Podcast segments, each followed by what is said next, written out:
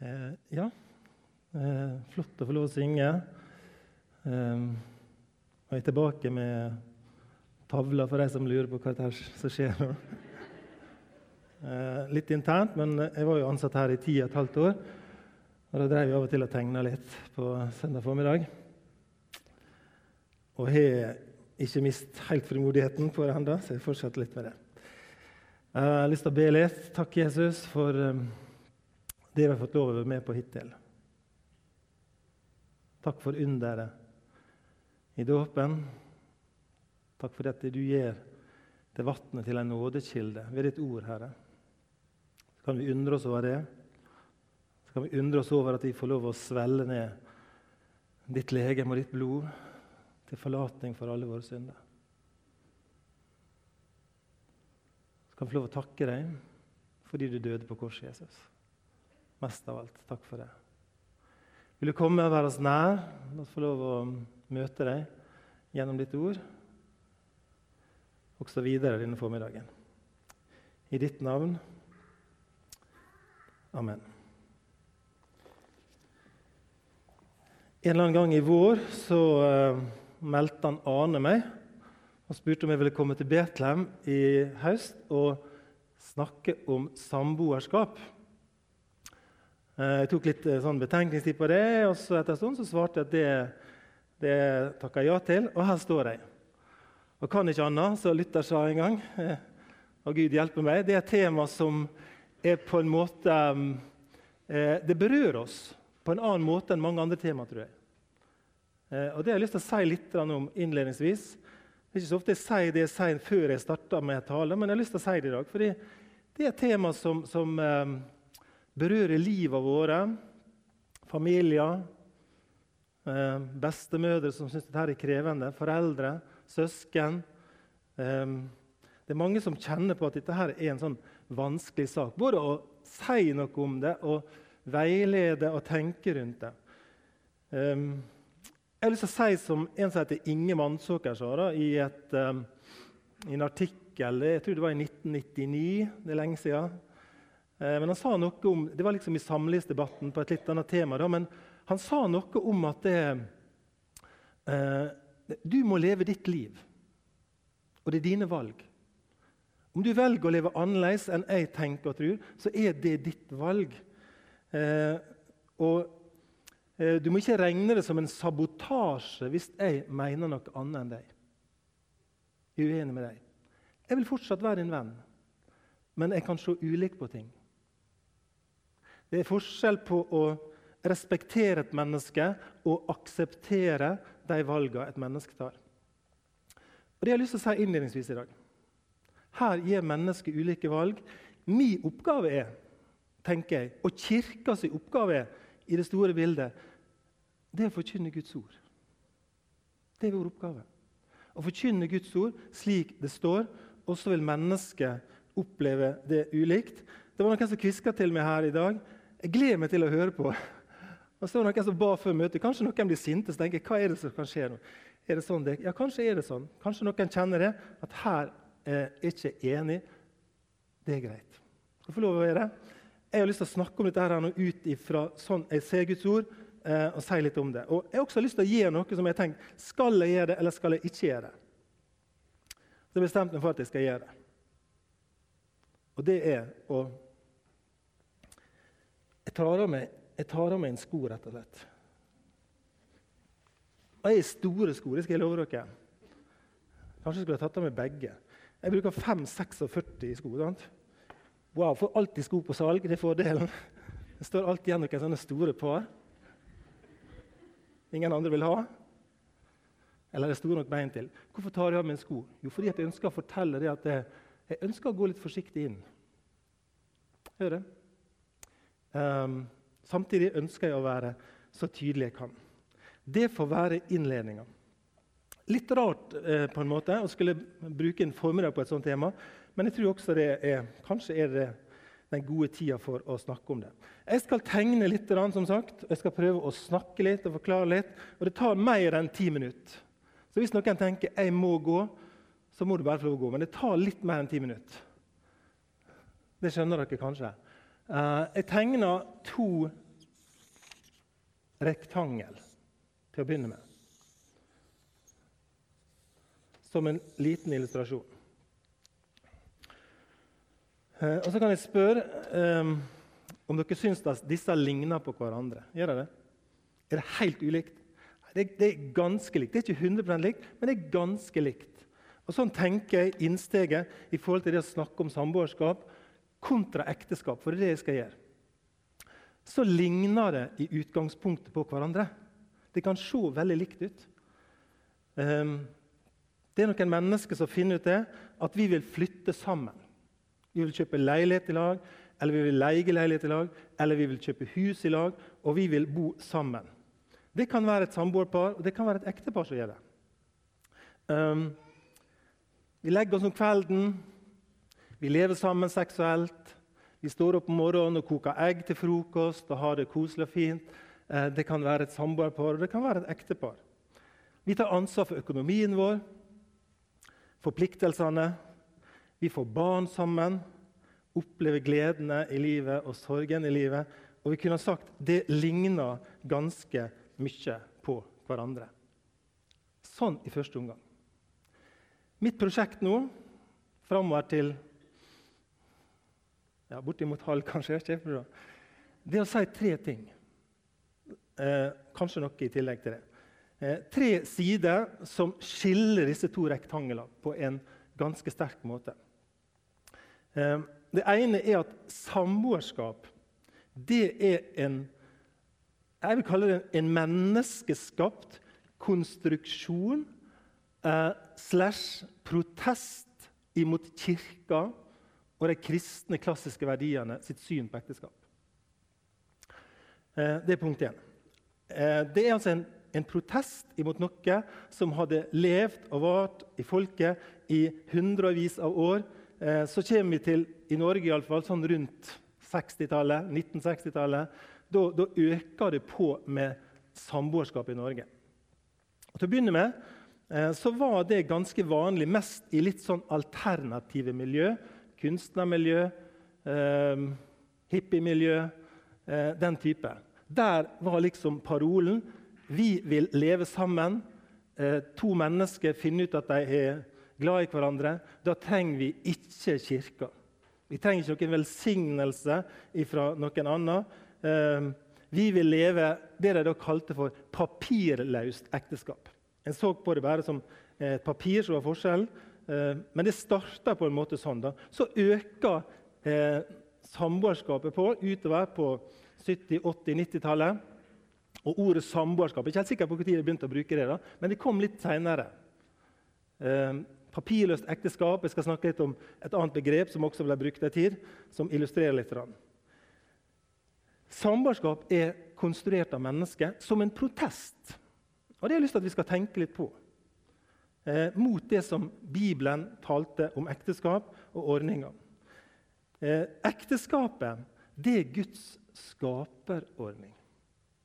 Gud har skapt eh, mann og kvinne til å leve sammen i ekteskapet. Og Det går helt tilbake til første Mosebok. Starten av Bibelen sier noe om det.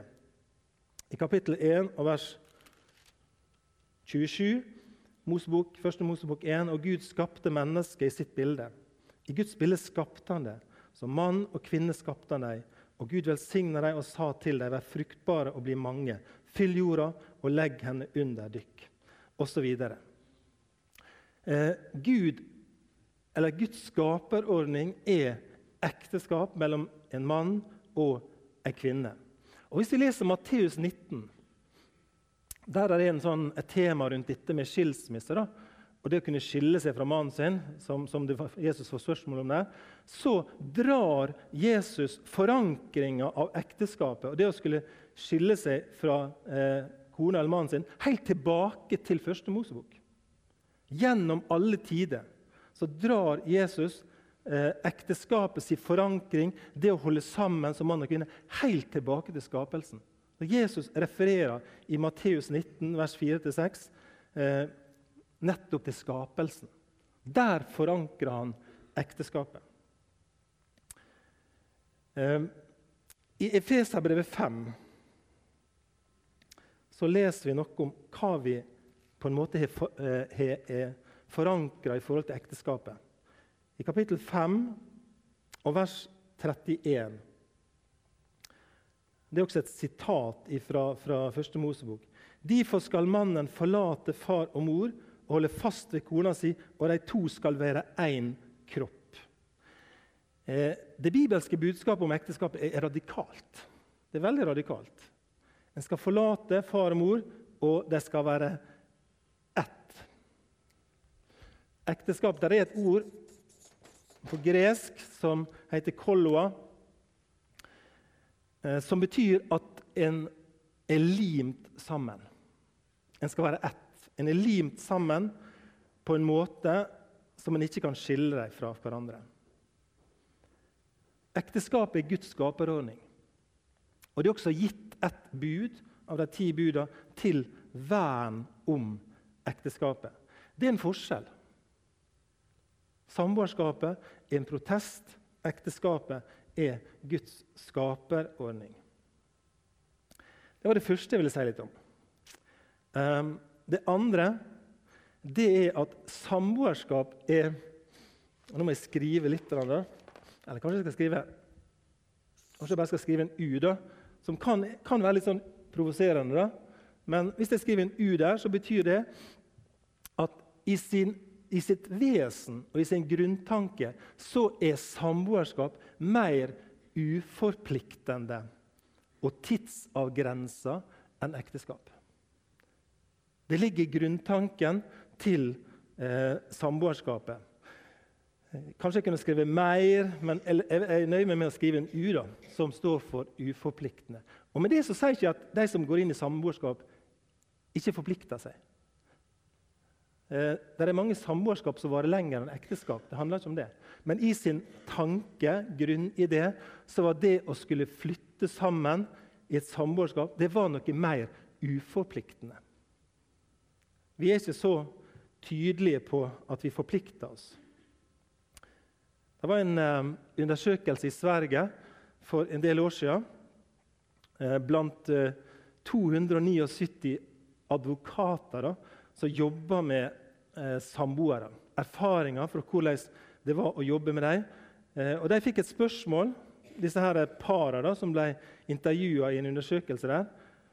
hva slags grunn de oppga for å ikke gå inn i ekteskapet.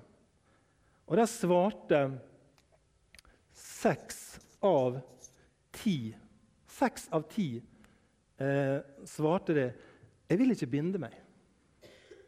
Og Det var altså de samboende para som svarte det sjøl.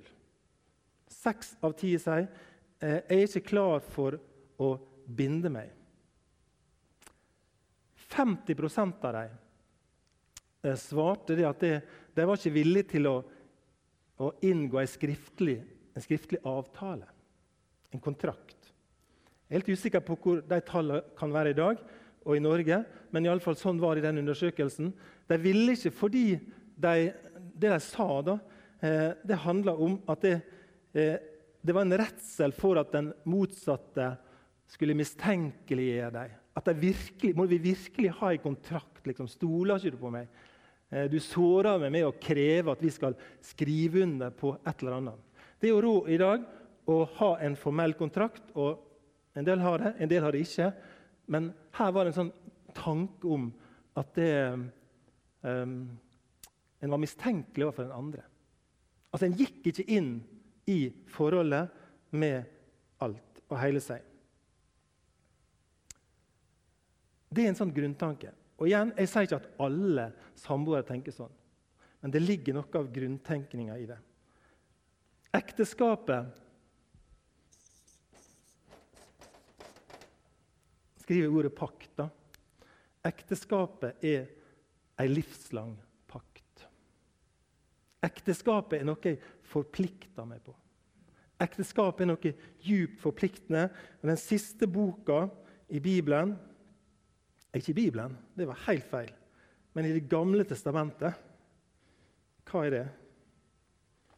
Det er en profet som heter Malakias. Eh, og Han sier et lite ord i kapittel 2 vers 14 Malakias 2, 14. Eh, det sier hvorfor, fordi Herren er vitne i saka mellom deg og din ungdomskvinne, som du er utru mot, din ektemake, de paktkvinne. Ordet pakt det kunne vi snakket en del om, en del om men det handler om at en inngår en gjensidig avtale som ikke kan brytes. Vi går inn i en pakt, en avtale om at vi skal holde sammen. Eh, og Da bærer en ofte et symbol på det. I går kveld så hadde jeg samme tema. Eh, han godeste Arne spurte kan jeg snakke om det Bård Løren. Ja, I går snakket jeg mye lenger enn i dag, men jeg sa noe om de samme tingene. Eh, og, det, og pakta eh, bærer et tegn som jeg syns er vakkert og flott. Jeg har lyst til å slå et slag for det i dag. Eh, det er ringen som vi bærer. Jeg ser ofte på hendene til folk. Jeg ser om de har en ring, har de forplikta seg på noe. Jeg sa det i går, og jeg kan si det i dag. Jeg vil gjerne slå et slag for å bære ringen når jeg har forlova meg. Og når jeg er gift, så bærer jeg et synlig tegn på at jeg har inngått en pakt en avtale, noe forpliktende mellom meg og et annet menneske. Ringen er laga av gull, som regel. Eh, noen bærer sølvringer.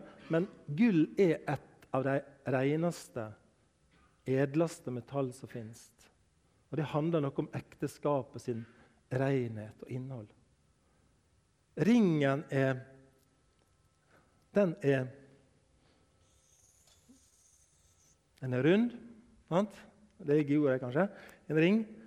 Den har ingen brudd. Den varer, og den varer. Og Det er en påminnelse om at sånn er det å gå inn i ekteskapet. En ring til påminning. Jeg har sagt det mange ganger. Jeg sier det når jeg har vigselsamtaler til guttene. Når du klikker ringen liksom på, på girstanga. For det er litt sånn stas når du har fått ring, og så kan du sitte og klikke på girstanga. og så hører du den klikkinga så, så er liksom lyden av den klikkinga det er lyden av jeg tilhører en annen. Jeg har forplikta meg på en annen. Og Når jenta sitter i sofaen eller godstolen og, dreier sånn forsiktig og fint og kjenner på den ringen, der, så er det en påminnelse om jeg har forplikta meg. Jeg tilhører noen annen. Jeg har gått inn i noe der jeg har forplikta meg på det, som ikke skal eh, brytes. Og vi har sett det på film, hvordan noen liksom lirker av seg ringen når de skal ut på byen. Har ikke sett det? Liksom skal signalisere at 'jeg er ledig'. Ringen forteller 'jeg er ikke ledig'. Det er meldinga. Jeg har forplikta meg på en annen måte enn om jeg bare flytter sammen med noen. Og igjen, Jeg sier ikke at folk ikke forplikter seg da. Men det er nok en grunntanke, en radikal grunntanke i Bibelen som handler om ekteskapet er noe jeg går inn i, og der har jeg forplikta meg. Jeg har forplikta meg på å elske og ære og bli hos en annen. Og Så sier jeg ikke at livet ikke kan bli strevsomt, selv om en gifter seg. Det er ikke det jeg sier. Men Bibelens grunntanke og Bibelens budskap om ekteskapet er noe annet enn at seks av ti Altså Hvis seks av ti ved alteret svarer det at det, ah, jeg vet ikke det. Altså Får jeg et bedre tilbud underveis, så kan hende jeg hopper av dette. her. Men nei, det er ikke det vi svarer på. Vi forplikter oss til noe. Vi forplikter oss til å elske og til å ære. Og det er en svær sak. Det er en svær sak som vi må holde på si, jobbe med resten av livet vårt og bli stadig utfordra på det. Efeserbrevet 5 igjen. da. Der er liksom verset til oss menn da, som jeg kjenner jeg blir stadig utfordra av, og jeg trenger det. Jeg trenger å bli minnet på det, utfordra av det. Efeserbrevet 5,25. Menn, elsk konene dykkar. På hva måte? Jo, liksom Kristus elsker kyrkja og gav seg sjøl for henne. Det er noen bibelvers som på en særlig måte får en annen aktualitet idet du går inn i ekteskapet. Og Da skal vi elske konene våre slik som Kristus elsker menigheten og ga seg sjøl for den. Det er radikalt, er ikke det det? Hva slags eh, dame vil ha sånne menn, lurer jeg på. Det må jo være bra. Og så vet jeg at jeg svikter i det. Eh, det er ikke automatikk i at du lover at det blir sånn, men det er stadig kall til meg om å strekke meg etter å være en sånn mann som elsker kona mi, slik som Kristus elsker menighet. Um, og Det er ikke bare et spørsmål What's in it for me? da? Hva er det for meg? dette her? Men um, jeg skal strekke meg for den andre. Jeg oppgir noe av mine egne retter i livet for å elske den andre, slik som Jesus oppga sine retter. Og Det ligger i, i forståelsen av, av, ekteskapet. Overgi seg til en vilje, til en forpliktelse, til en handling som er annerledes enn 50% eller 6 av 10 sier jeg, jeg vet ikke om jeg ønsker det. Jeg har av og til sitert en kar da, som jeg, jeg, ble tatt av Jeg hørte på en som heter Rob Reno. Eh, en pastor som hadde skrevet en bok som heter 'Visionary Marriage'. Eh, visjonært ekteskap. Der han brukte første ble 13 og satte inn navnet på kona som heter Amy i det. I de versene fra vers 4 til 7 i første Korinterbrev handler om agapekjærligheten dypest sett, om gudskjærligheten. Ikke eros, eh, mellom mann og kvinne, sånn sett, men likevel den formidler noe av hvordan Kristus elsker menigheten. Og Han brukte det verset på følgende måte.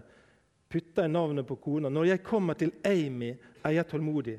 Når det er snakk om Amy, er jeg velvillig. Jeg misunner henne ikke. Jeg blåser meg ikke opp rundt henne. Jeg gjør ikke noe usømmelig overfor henne. I forhold til Amy søker jeg ikke mitt eget. Jeg blir ikke bitter på henne. I forhold til Amy verken kan eller vil jeg gjemme på det vonde. Jeg gleder meg ikke over at Amy møter urett. Og jeg gleder meg over at gode ting og sannhet skjer i hennes liv. Jeg vil utholde alt sammen med Amy. Jeg vil alltid stole på henne og tro på henne.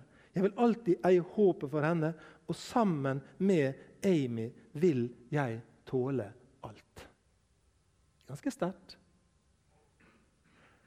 Slik taler Bibelen om, om ekteskapet.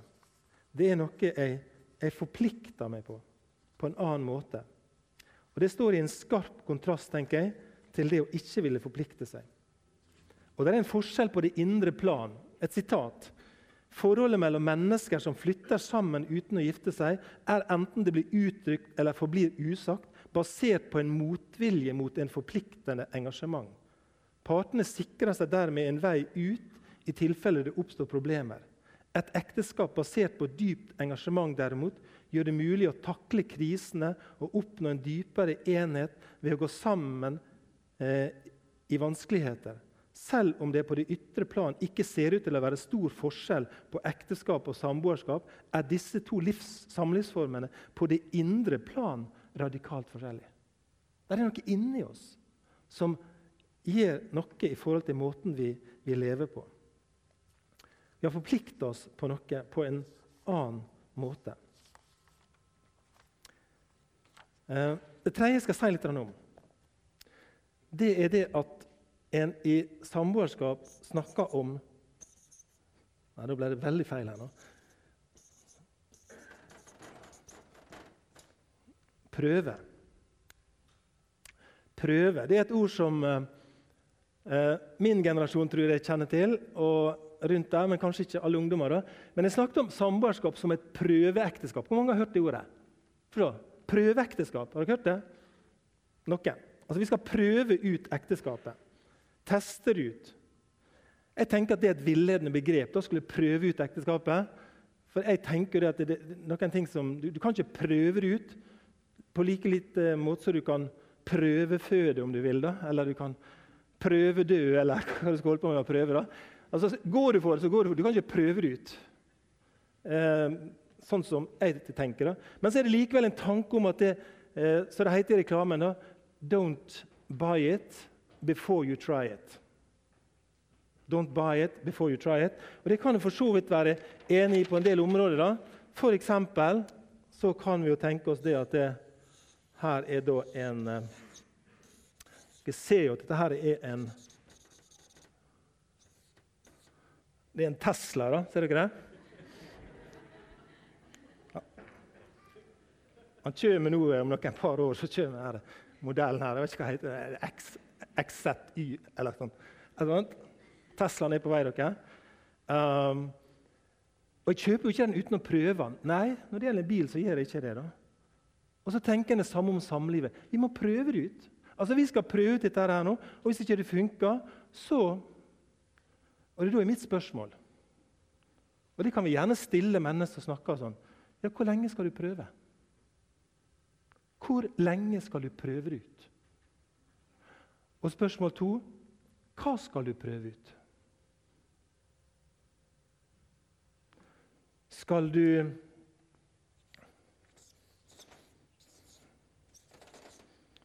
Skal du prøve ut med tilhenger? Er det mulig med Tesla? det? Ja, Det er kanskje det neste siste. Skal du, skal, du, skal du, ha noe vedheng på en måte? Skal du prøve ut å krasje i lag? Skal du prøve ut med noe i baksetet, noen unger? Skal du prøve ut uh, å bli syk sammen? Skal du prøve ut hvordan det er å miste helsa? Skal du prøve ut hvordan det er å ha si, en krevende svigermor altså, Det er mange ting jeg kan prøve ut. Men, men hva skal du prøve ut? Og Når er du ferdig å prøve ut og si at 'nå har jeg prøvd nok til å, å stå i det'? på en måte? Eller skal du prøve ut bare så lenge, lenge at det, Nei, jeg, jeg åpner døra, trykker på bremsa, går ut, og så prøver jeg en, en Kia i stedet. Det er jo en nedtur, da. Kanskje. Men, men, det var det første jeg kom på, for jeg har en Kia. Eller, Um, tanken er jeg skal teste det ut. Det er en grunntanke i det å skulle gå inn i et samboerskap. Hva skal du prøve ut? Og Da er min påstand det, etter å ha vært gift noen år og snakka med andre som har vært gift, så har jeg lyst til å si det går ikke an å prøve det ut. Jo, du kan prøve ut å ha sex sammen. Vi må finne ut om vi passer sammen. blir det sagt. Da må vi også leve sammen seksuelt. Ja, Det er gått bra med mange uten å ha prøvd ut dette på forhånd. Jeg finner på litt ut av det. Men samtidig så er det også en, et arbeid. dere. Det er det. Det er ikke sånn at liksom, smakk, dette fungerer. Det, det, er krevende. Kanskje en sjokkerende opplysning for dere som unge, da, men, men det, det, er faktisk det. Det er ikke bare det, sånn, det virker, liksom. Det heller. Det meste må du arbeide med. Og det krever noe eh, når du går inn i det. Og forskjellen på å prøve Nå begynner jeg å skrive R før jeg skriver ei P. Nei, hva er det? Prøve. Hør hva da, ekteskapet hva er det for noe? Jo, det er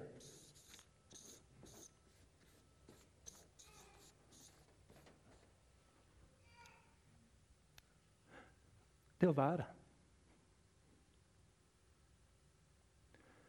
Forskjellen på samboerskap i grunntenkning og ekteskap, det er forskjellen på det å prøve og det å være. Å gå inn i ekteskapet, det er å bli værende, å være i noe.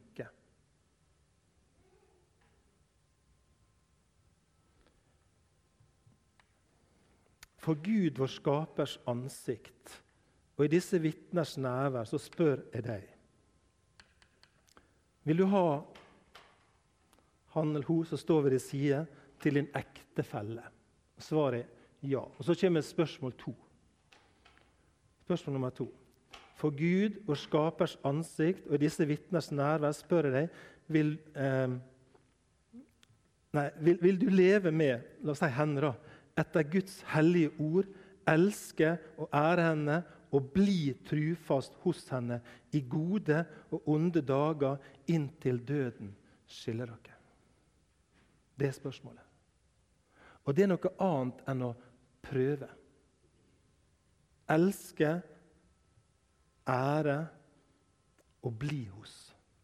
I gode og onde dager. Og det kan ikke du prøve ut. Du kan ikke prøve ut hvordan det er å bli arbeidsledig i en alder av 52 år.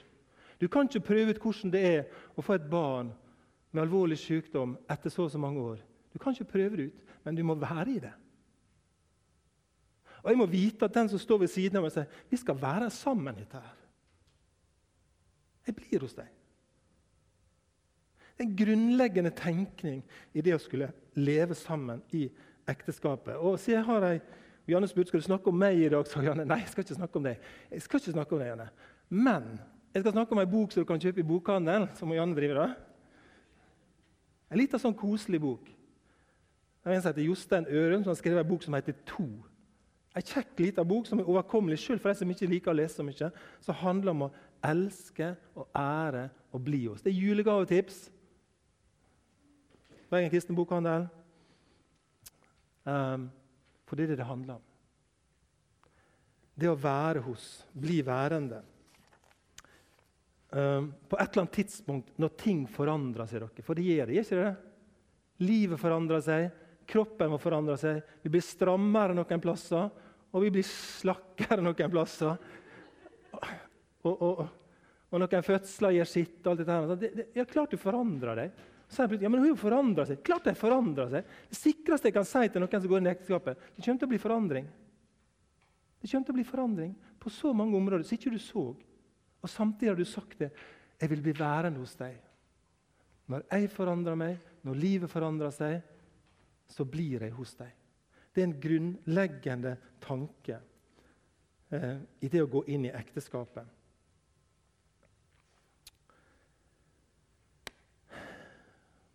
Jeg Har dere skjønt hva jeg snakker om nå?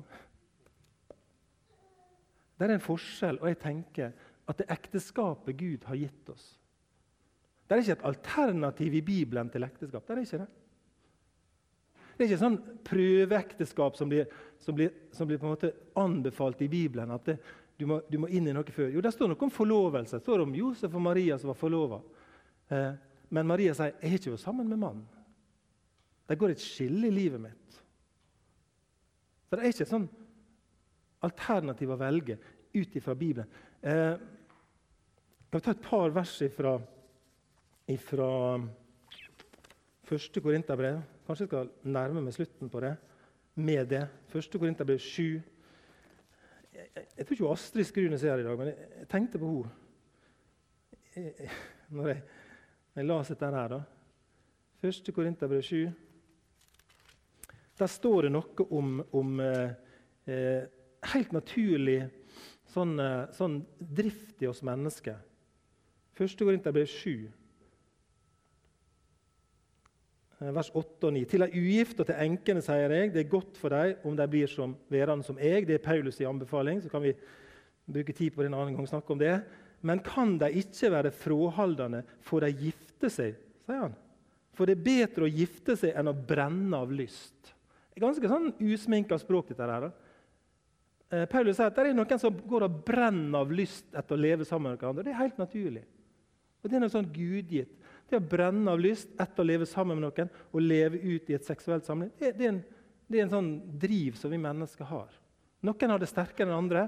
Og så sier Paulus hvis dere ikke kan klare å, å på en måte holde det tilbake, så får dere gifte dere. Det er alternativet.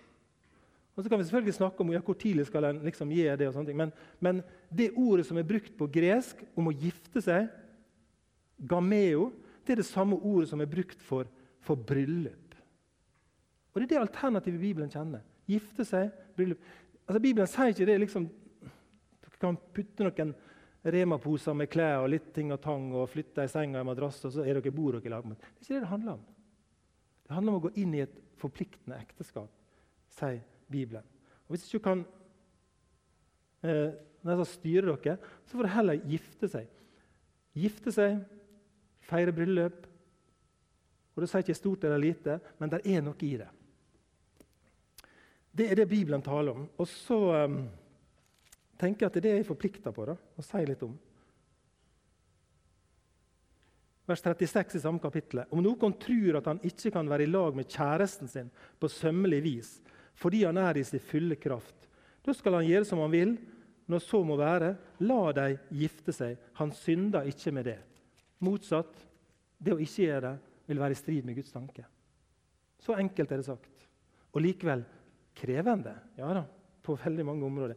Men det har jeg lyst til å si i dag. Og har jeg lyst til å si til slutt uh, Jeg tror at ekteskap har en djupere hensikt. Og det må jeg slåss med i mitt eget liv. Uh, en kan tenke at samboerskap er praktisk, sant? fordi det er jo dyrt å leie. og Vi forstår jo det, og det, de studerer og bla, bla, bla. alt dette der nå. Altså, det, sånne alternativ finner du ikke i Bibelen. Hvis dere har dårlig råd, så kan dere bli samboere. Det er praktisk. Vi finner ikke sånne råd. Derimot sier Bibelen at det å gifte seg eh, som mann og kvinne har også en djupere hensikt i det som ligger i bildet mellom Kristus og menigheten. Og Da er vi tilbake til Efeserbrevet 5, der eh, Kristus har en påvirkning på menigheten. Litt forenkla sagt da, så tenker jeg at ekteskapet er også en djupere hensikt enn bare å flytte sammen og bli samboere. Det skal være med å hjelpe oss hverandre til å bli mer lik Jesus. Um, samboerskap er noe annet enn det Bibelen taler om som ekteskap. Jeg tenker det er i strid med Guds gode vilje for å leve sammen. Og jeg tror at en alminneliggjøring av det er å svekke og utydeliggjøre og undergrave ekteskapet mellom mann og kvinne som Guds gode ordning. Jeg tenker sånn. Og jeg tror at vi som er foreldregenerasjon og besteforeldregenerasjon, trenger hjelp til å tenke Guds tanker. Ole med Martin Bøhne, som leda møtet i går kveld, snakket litt om kulturen som vi lever i, hvor krevende det er. Og den kulturen er krevende for oss som er voksne. Ikke sant det? Den er krevende for besteforeldregenerasjonen og for oss alle. Og det jeg kan gjøre, det er å tale Guds ord. Og det har jeg prøvd på nå. Si litt om. Jeg ber deg litt av bønn. Jesus, jeg har bare lyst til å takke deg for ditt ord. Og ber om at vi kan få lov å lytte til det. Noen ganger må vi slåss med det. Og Framfor alt har jeg lyst til å be om at vi kan få lov å hvile i det, Jesus. Hvile i ditt ord. At det er den gode vilje for våre liv. På ditt område og på andre områder. I Jesu navn.